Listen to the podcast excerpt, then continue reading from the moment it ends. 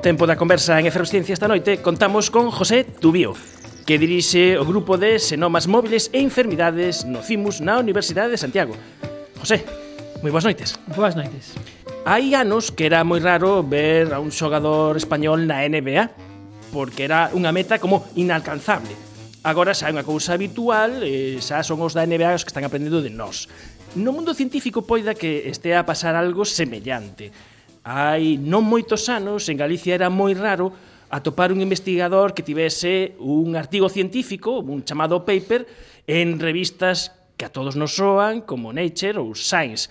De feito, cando eso acontecía, eso era nova de portada de xornal. Agora, afortunadamente, xa estamos na NBA e xa é máis habitual que os nosos científicos publiquen nestas revistas ti, no teu caso, xa levas máis de unha dúcia de publicacións nestas revistas que as que aspira eh, calquera investigador a publicar, e hai moitos que non consiguen en toda a vida, a maioría, por así decirlo. Estamos xa xogando na NBA.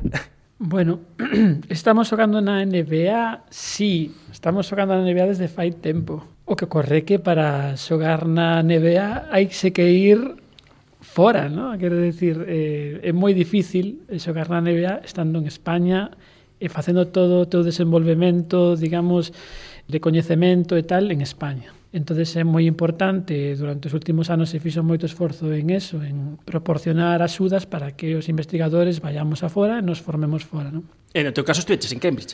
Sí, bueno, en España tamén hai vos centros. Estuve en Barcelona, no Centro de Regulación Xenómica un par de anos, eh, un centro moi moi moi recoñecido, pero Cambridge é a cuna da bioloxía molecular, tal uh -huh. como a coñecemos hoxe en día, e ali pois estuve en prácticamente 4 ou 5 anos, non recordo ahora mismo se si foron 4 ou 5.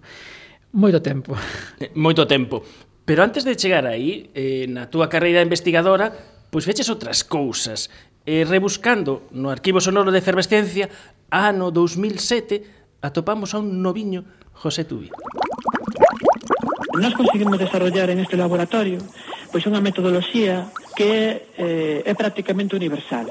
É dicir, eh, tenemos un método propio, un protocolo propio, que desenvolvimos nos eh, pois incluso antes de empezar a prestar estes servizos eh? empezamos a traballar moito antes en isto porque nós sempre fomos aficionados ás aves en un momento dado pois bueno digamos que a nosa especialización en xenética pois nos levou un pouco a empezar a, a innovar en estes aspectos Mendel Lab. Daquela era estaba iniciando Rosa a súa sección de, de innovando e unha das primeiras empresas eh, Mendel Lab e aí estaba José Tubío falando da, da súa empresa que estaba dese no Milladoiro no que facía des análise xenética de paxaros para cesar e moitas cousas.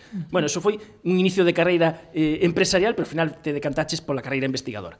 Sí, de feito, o motivo polo que deixei esa empresa foi precisamente porque quería continuar a miña, a miña labor investigadora. A empre, empresa, di, dito xa de paso, iba perfectamente, uh -huh. eh? eh quedou máis de outras personas, pero pero sí, me podía, o sea, podíame o de, o de, o de seguir innovando e tal. De feito, é un defecto que teño, eu debo recoñecer, que se me dá moi ben poñer as cousas en marcha, pero despois continualas para eso mellor outros. Buenas noches, uh, José. Buenas noches, uh, Manuel. Buenas noites. Uh, ¿Qué, José? ¿No me reconoces? Eh? Cuido que eres Bárbara. Ah, claro, realmente que entrevistaste a tantos noveles eh, Bueno, a mí non tiveches oportunidade ah, Desgraciadamente no.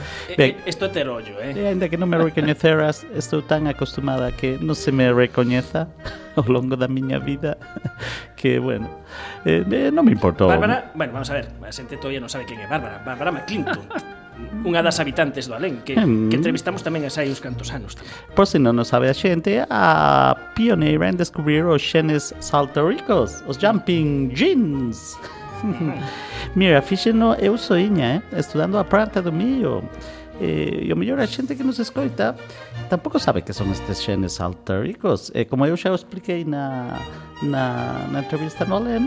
Pois... Poñeremos, poñeremos o podcast de novo, repescaremos para escoitar a entrevista completa a Bárbara McClinton. Vou dicir eh, que son... Eh, non veñen nin de papá nin de mamá, poderíamos dicir, non? Os xenes altaricos, bueno... Con permiso de Bárbara. Con permiso de Bárbara... Permiso concedido. Eh, Mm, Bárbara McClintock, a verdade, eh, que non me escoita a miña muller, que sei que me está escoitando agora, pero é o meu amor platónico, Bárbara McClintock, non? Eh, pois sí, eh, a muller que descubriu os, os elementos transponibles e que se lle reconoceu pois moitísimos anos máis tarde, non? Creo que coido recordar que foi nos anos 20, non, Bárbara, cando se cando deches con Foi, Con foi. isto, e non se che, non se che recoñeceu hasta os 80. Bu, tive que esperar Moito moitísimo. Sí, sí, sí. Pero además, Bárbara Maquito fixo moitos outros descubrimentos importantes, non solamente os trenes saltaríns. Hoxe en día eu traballo, eh, digamos que o meu, a, miña, a maior parte da miña investigación é unha herdanza do traballo que la fixo. Casualmente non soamente no eido dos elementos transponibles, tamén no eido das variantes estruturais do cancro, que tamén ela non traballou en cancro, pero traballando en millo, fixo descubrimentos de procesos mutacionais que hoxe en día mm. sabemos que están actuando no cancro e que son moi importantes no cancro. Os elementos transpoñibles ou senes saltaríns ou saltaricos son uh -huh. eh, pois rexións do senoma eh, de todos os senomas eucariotas prácticamente e tamén de algúns procariotas que teñen a capacidade para cambiar a súa localización. Uh -huh. Son rexións que cambian de lugar. A min isto se me parece, para que a xente se faga unha idea, é eh, que cando temos os nosos arquivos no noso ordenador, que sempre ao principio os temos todos ben ordenadiños, logo empezamos a duplicar arquivos. E temos fotos que temos, eh, normalmente as teríamos nunha carpeta, pero logo empezamos a facer limpeza, se empezan a acumular cousas e aparecen fotos, por exemplo, noutras carpetas E, e as temos duplicadas un montón de veces, pero ao mellor aparecen carpetas importantes, carpetas que, que ti logo vas facer cosas con elas. entonces isto é parte do, mm, do xenoma que se replica e que aparece noutros lados. E que ao mellor aparece noutros lados te pode ter consecuencias ou non. Sí, cambian a súa localización, máis ben é como ti describes, máis que cambiar a súa localización o que fan é que se replican, se copian e se, se inciden noutras en outras localizacións do xenoma.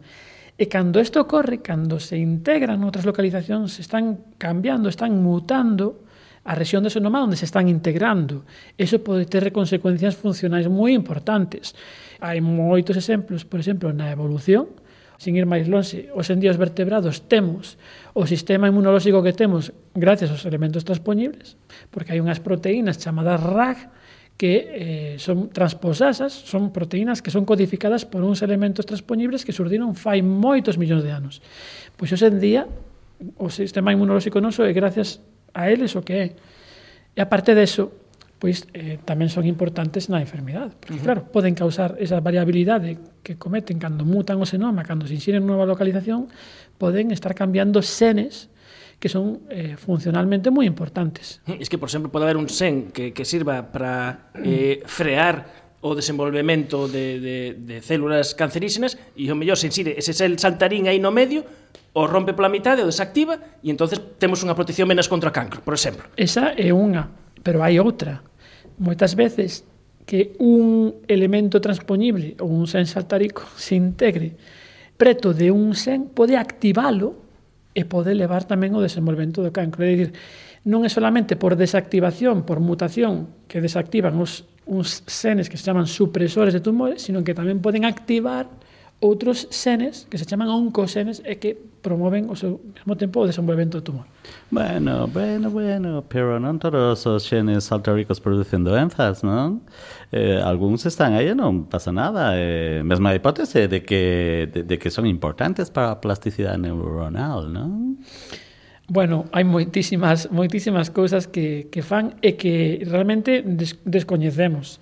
Unha delas, é a que se a que alguén propuso, non recordo agora, men, agora mm. mesmo quen, eh, pero estes senes altaricos... Eh, entramos na, na zona das hipóteses, eh, das eh? hipóteses para saberlo. Sí. Movilízanse con certa frecuencia en regións do cerebro, en neuronas concretamente, ¿no? E hai quen pensa que eses patróns de, de integración nova que promoven dentro da, das células neuronais poden, de alguma maneira, ter relación con como guardamos certos recordos e tal, e teñen algo que ver co, co que é a nosa mente, no? Tema moi moi interesante, pero non se pudo demostrar, lógicamente. Antes dixen que entrevistaches a moitos nobles. E cando queiras pásachame o teléfono, no, no alén. Eh, terás que vir hasta ali. non sei, esperaremos un pouquinho, non? Esperaremos un pouco logo. Pero podemos falar por teléfono. Eh, mira, eh, contanos a tua experiencia entrevistando a novelas como, por exemplo, a Gurdon. Bueno, a verdad que teño un montón de experiencias. Tampouco foron moitas, eh? foron cinco ou así. Pero, bueno, todo isto surdiu como un traballo de divulgación dentro de, de un proxecto Marie Curie, que tiven o gusto de desenvolver durante dous anos cando estiven en Cambridge, e de cara a divulgación, pois, ocorreuseme, e tuven a posibilidade de leválo a cabo, de entrevistar premios Nobel en, en Inglaterra, concretamente no ámbito de, digamos, da zona de Cambridge, entrevistalos e, e despois poder publicar esas revistas nun xornal galego, non? e tiven pois o placer de, de coñecer a xente moi relevante, algúns que, bueno, son os pais mismos da bioloxía molecular, Sidney Brenner, por exemplo. O caso de John Gardon probablemente ese é o máis o máis gracioso de todos. El tiña ali un instituto que se chamaba Instituto Gardon, chamase Instituto Gardon, todavía sigue ali. E, e cando o día que lle deron o premio Nobel estaba escoitando a noticia en directo, eh, chamei directamente á Universidade de Cambridge para preguntar se si podía entrevistalo para este xornal. E, bueno, dixeronme, sí, va, xa te chamaremos, como que a cousa non iba a ir ben. Pero a miña sorpresa foi que pola tarde, a última hora, moi tarde, para os ingleses estaban na cama metidos a sete da tarde, as oito así, me chamaron, me dixeron, uh -huh. ven, pásate por aquí mañana a primeira hora, que para eles era as seis ou sete da mañá.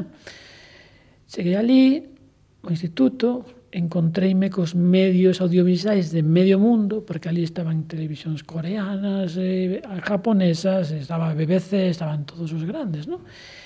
Eu entrei timidamente, eh, basicamente cando preguntei por el me dixeron, ah, José Tubío, precisamente John Gardon quería que fora o primeiro que o entrevistara porque lle interesou moito o feito de que un colega eh, quera transmitir isto pois a xente, digamos, do, do común, por decirlo de alguna maneira. No?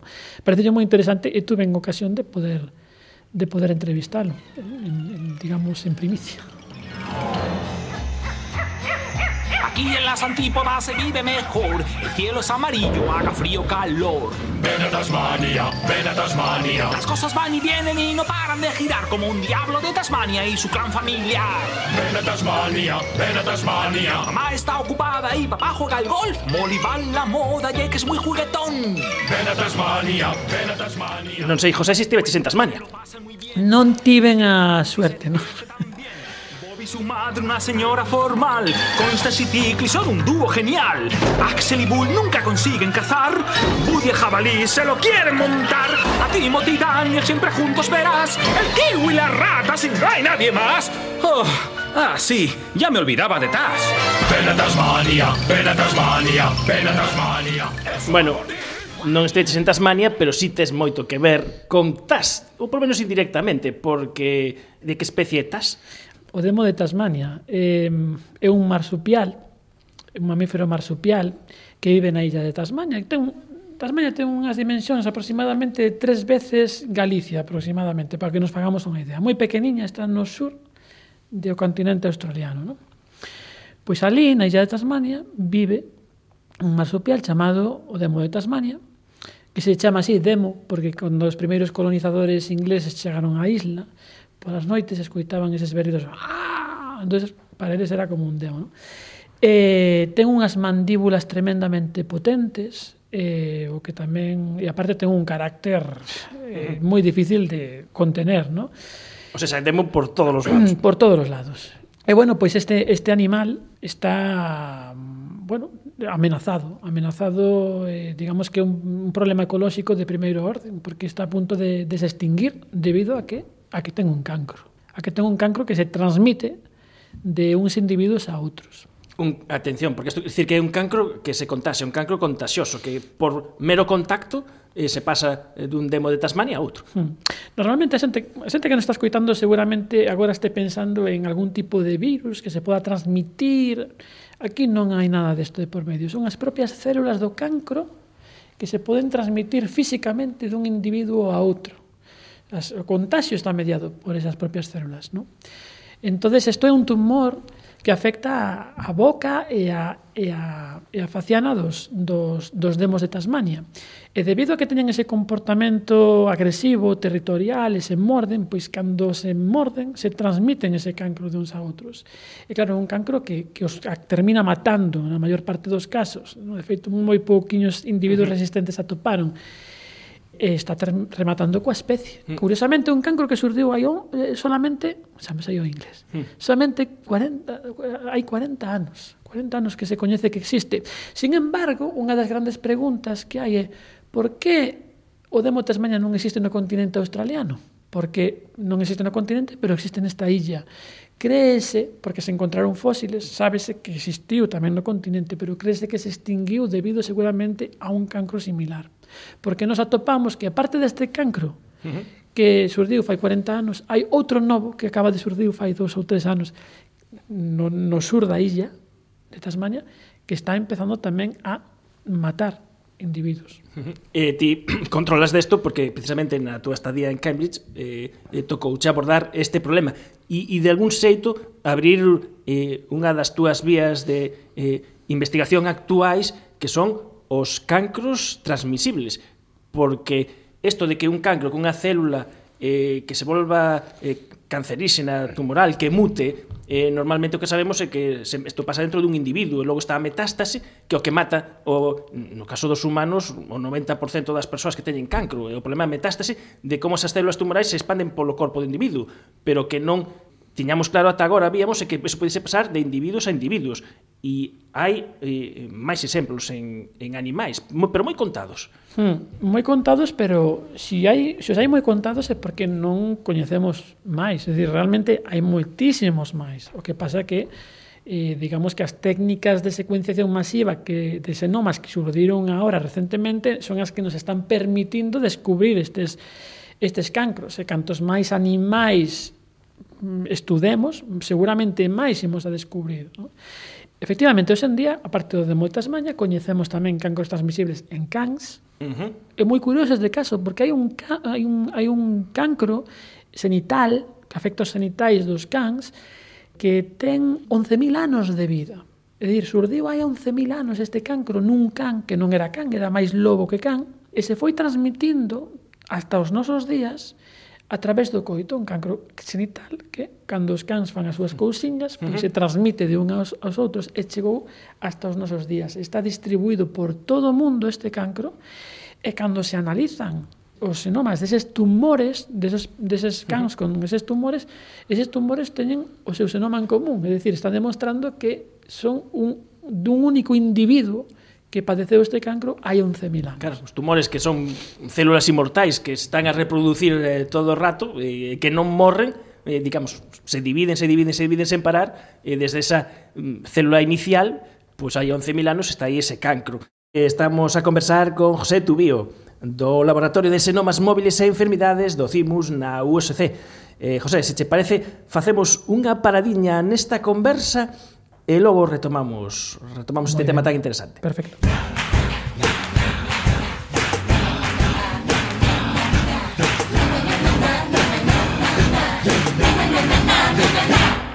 Necesito con urgencia transfusión de efervescencia. Necesito con urgencia transfusión de efervescencia.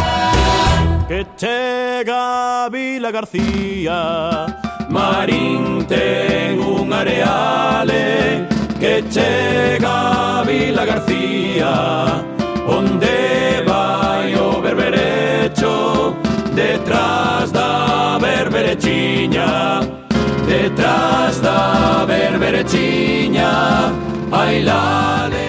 E retomamos a nosa conversa desde os nosos estudos con José Tubío que lidera o Laboratorio de Xenomas Móviles e Doenzas do CIMUS, da USC. Esta vamos a falar de algo pouco coñecido, como son os cancros transmisibles que se dan nos demos de Tasmania tamén. Nos cans existe algo semellante coido nos bivalvos. Este é o terceiro caso que se coñece. Eh, e que a ninguén lle parezca extraño que os bivalvos eh, nos vivamos englobamos pois o mexillón, as almexas, os berberechos, as ostras, bueno, que ninguén lle sorprenda que podan ter cancro, porque prácticamente todos os animais teñen cancro. Hasta as moscas teñen cancro. Eh? O que pasa que, bueno, non teñen un papel tan relevante como os humanos, entonces non facemos caso do tema, non? Hola, hola, boa. Moi boas. Estaba escoitando por aquí, xa despedín a Bárbara. Mira, eh, pasa algo se alguén come berberrechos afectados con ese cancro? Bueno, eh, unha boa pregunta. Non sabemos a resposta, o máis probable Mi é matriña. que, é que non sexa así.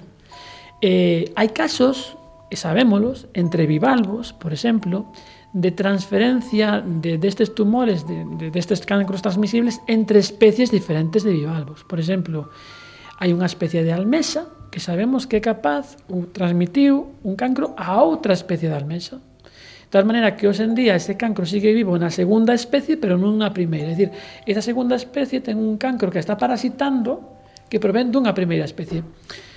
Sin embargo, eh, as barreiras digamos, entre especies son moi difíciles de atravesar. Ainda que hai exemplos, non non cremos que isto poda ocorrer no caso dos, dos bivalvos. Eh, eh, nos humanos existe a posibilidade de que se poda contagiar un cancro?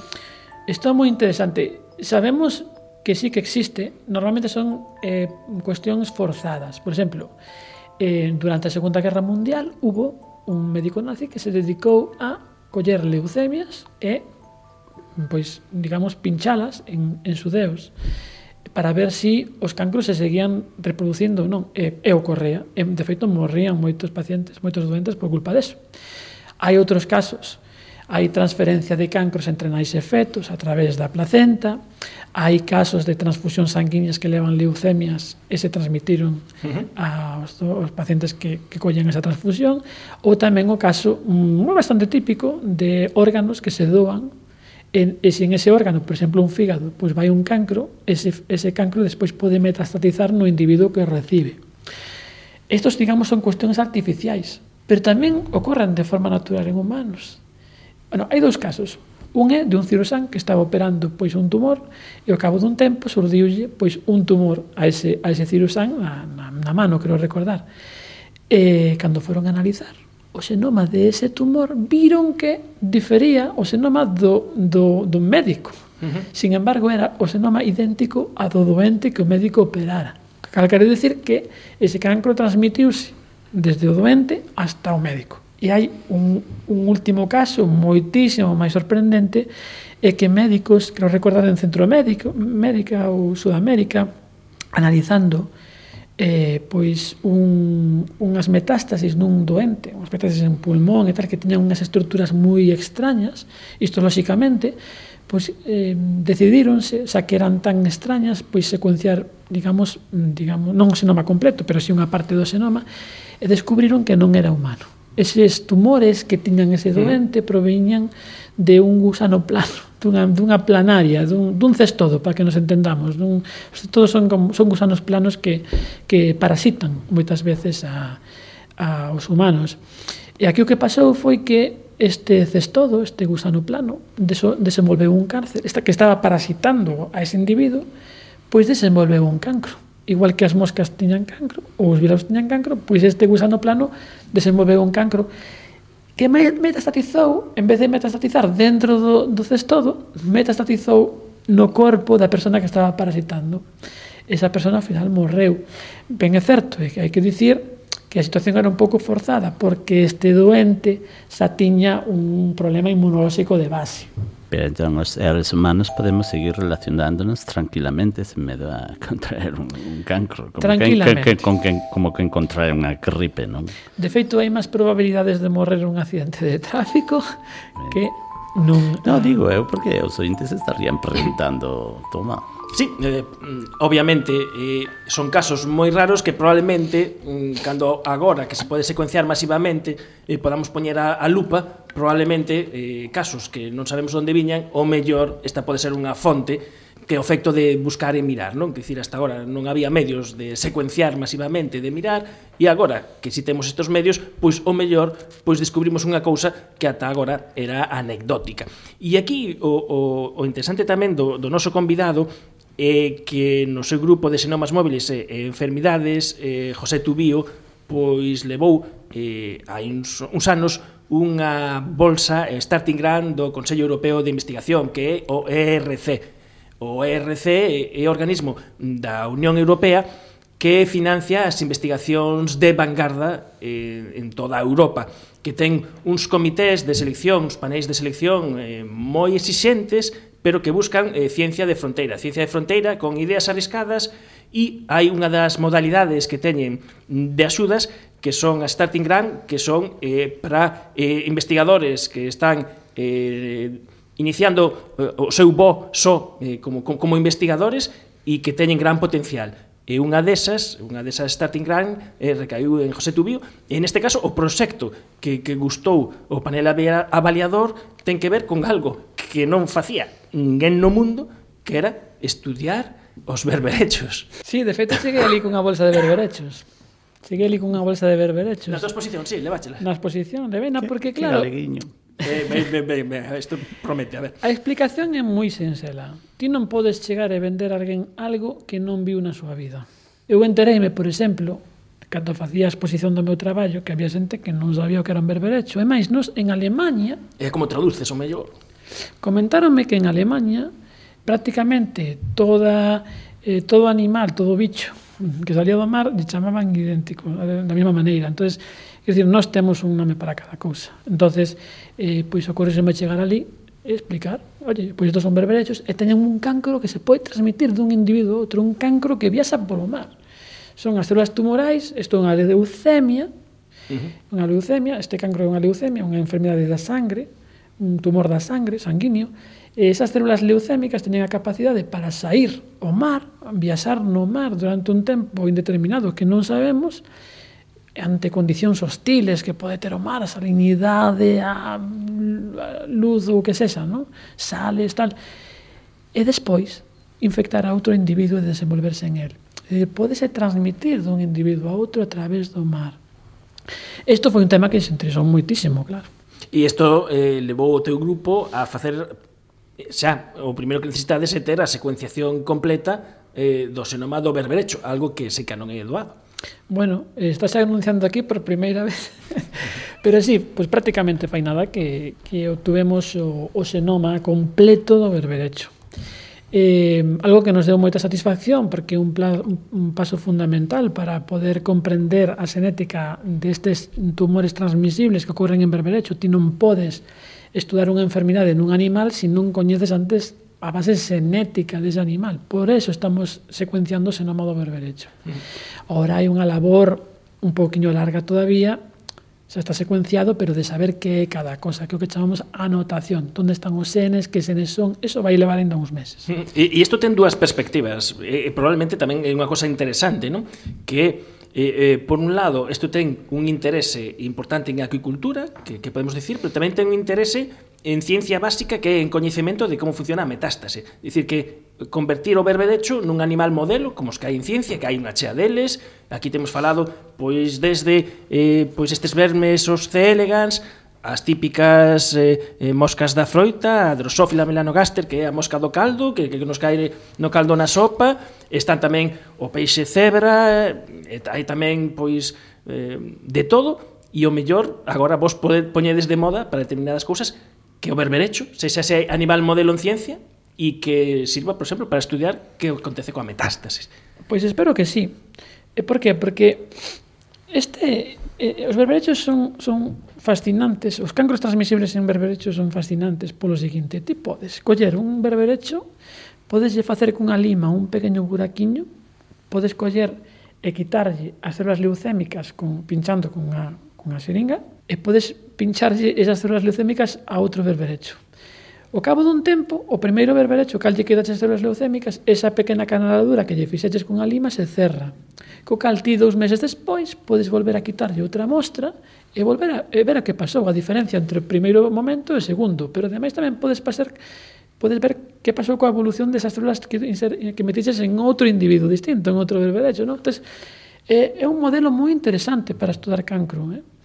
Espero que, entre outros lugares, no centro no que eu traballo, o comecen a apreciar un pouquiño máis como organismo modelo, porque ata de agora non nos están facendo moito caso no sentido de que estamos estudando un animal que non é o típico. Non? Uh eh, -huh.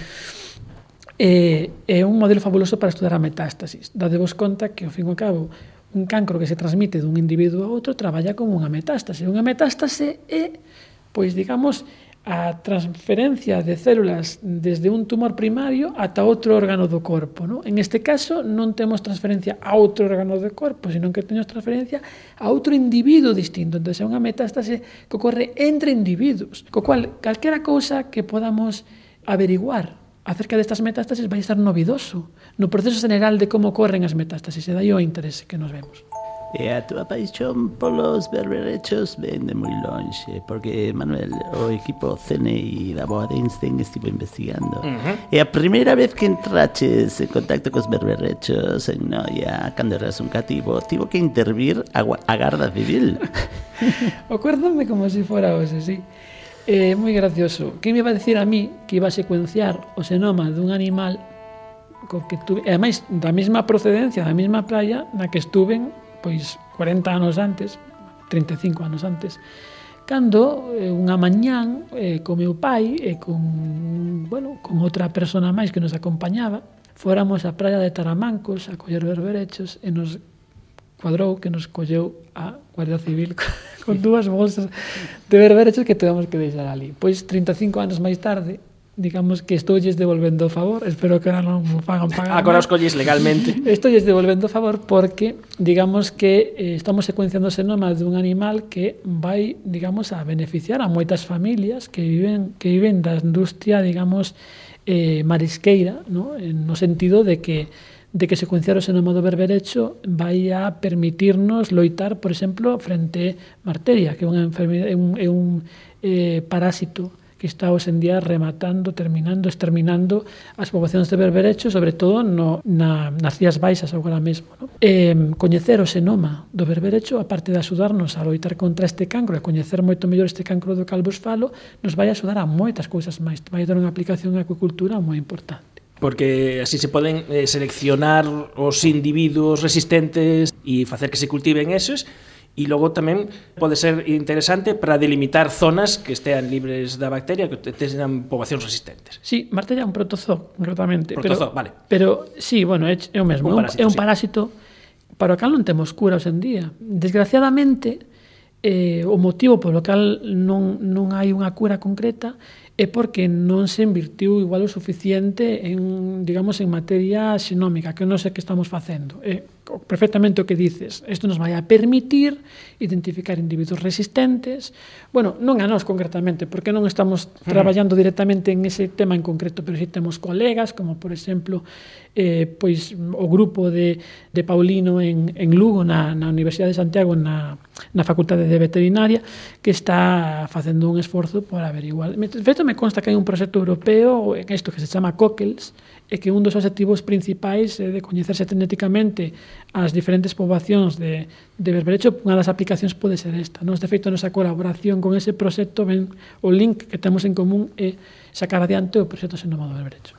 A barbaridade de cousas eh, que temos aprendido esta noite. Bueno, tivemos a presenza desa Bárbara McClinton que ponemos aí o podcast da entrevista que lle fixéramos logo retomamos eh, coa boa e aprendimos bueno, pues ese, esa trayectoria de José Tubío desde esa empresa na que empregaba os teus coñecementos de xenética para estudar aves a toda esa carreira investigadora eh, fora e, e como eh, tivo o recoñecemento dunha bolsa do RC, estamos falando de, de millóns de euros exactamente de Un e medio. Un e medio. Sí, que son moitos cartos, o que pasa que un ao principio pensa que son moitos cartos e logo se dá conta de que non, porque claro, é un proxecto moi ambicioso que require contratar a moita xente, no? e os cartos vanse enseguida.